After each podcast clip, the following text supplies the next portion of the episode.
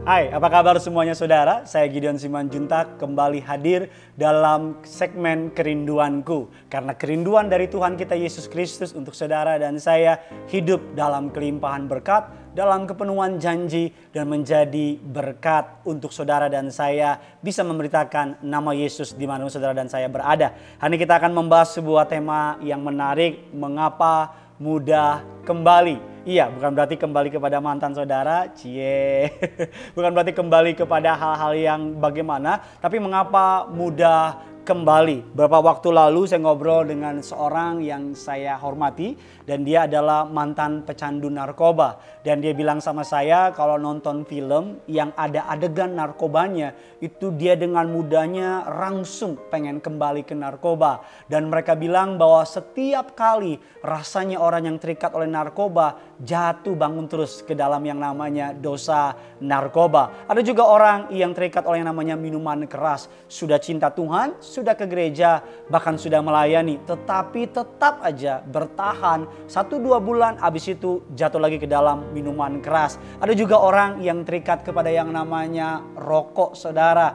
Dia sudah pergi ke yang namanya ahli-ahli dokter dan sebagainya. Berhenti beberapa bulan tapi ketika di rumah nggak ada orang dan lihat ada bungkus rokok. Dia bilang rasa-rasanya Pak Pendeta rokok itu bungkus rokok itu kayak punya tangan yang menarik saya untuk ambil rokok tersebut. Ada banyak orang yang juga seperti mereka. Mungkin dosanya berbeda, mungkin kelemahannya berbeda, tapi jatuh bangunnya sama. Makanya mengapa mudah kembali. Alkitab mengatakan demikian dalam Kolose 3 ayatnya yang ke-10. Ayo ambil Alkitab saudara. Kita baca sama-sama. Kolose 3 ayatnya yang ke-10. Yuk sama-sama kita baca. 3, 2, 1, ya dan telah mengenakan manusia baru yang terus menerus diperbarui untuk memperoleh pengetahuan yang benar menurut gambar kaliknya. Artinya apa? Ketika kita bertobat memang roh kita sudah diperbarui. Tapi karakter kita butuh yang namanya proses. Makanya ada istilah dalam Alkitab yang menggunakan kalimat metamorfosis. Terambil dari kata metamorforvo. Artinya perubahan dari ulat masuk menjadi kepompong dan menjadi kupu-kupu yang indah. Ulat itu tadinya menjijikan, gak ada yang mau. Ulat itu tadinya merusak, mengambil dan mengambil kerugian bagi orang-orang yang ditempel ulat tersebut. Tapi ketika menjadi kupu-kupu, tadinya gak ada yang mau. Ketika menjadi kupu-kupu, banyak yang mau. Warnanya begitu indah dan yang menarik apa? Kalau ulat merusak, ulat hanya menghancurkan, kupu-kupu justru memberi. Ketika kupu-kupu dia hinggap kepada uh, sebuah atau setangkai bunga, kupu-kupu membantu proses penyerbukan dari bunga tersebut.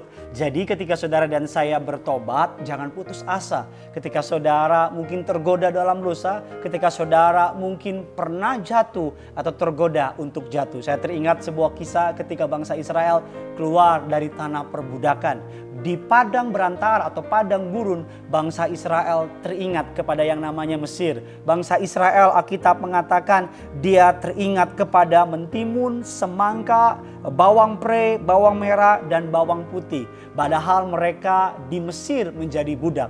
Padahal mereka di Mesir berada dalam penindasan.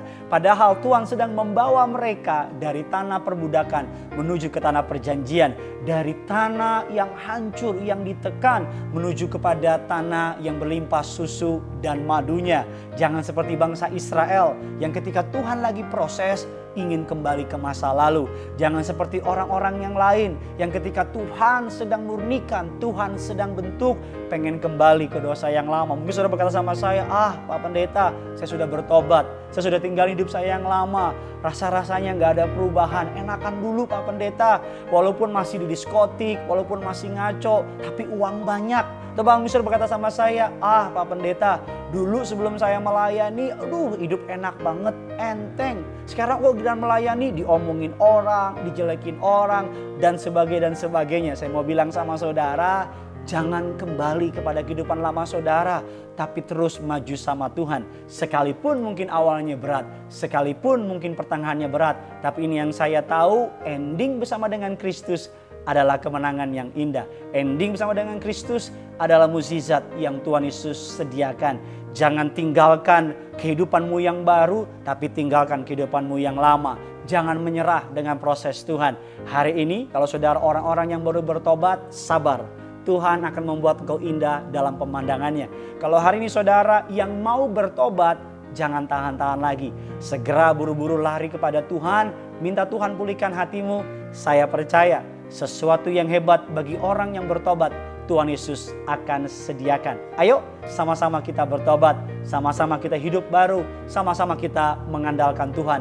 Dan jangan pernah kembali kepada kehidupan lama saudara. Karena kehidupan lama saudara hanya akan menghancurkan saudara. Hanya akan menuntun saudara kepada api neraka yang kekal. Tapi terus melangkah bersama dengan Tuhan. Langkah demi langkah, langkah musizat. Langkah demi langkah makin dekat kepada Tuhan. Langkah demi langkah adalah langkah kemenangan Bagikan kabar baik ini kepada teman-teman saudara yang ingin menyerah ikut Tuhan. Bagikan kabar baik ini kepada teman-teman saudara yang jatuh bangun dalam dosa. Bagikan kabar baik ini kepada setiap orang-orang yang saudara kasihi. Karena saya percaya sama seperti video ini memberkati saudara, pasti akan memberkati orang-orang di luar sana. Jangan lupa sebelum keluar rumah, ambil waktu berdoa kepada Tuhan, libatkan Tuhan, andalkan Tuhan. Karena yang punya surga, crazy in love with you. Bye bye.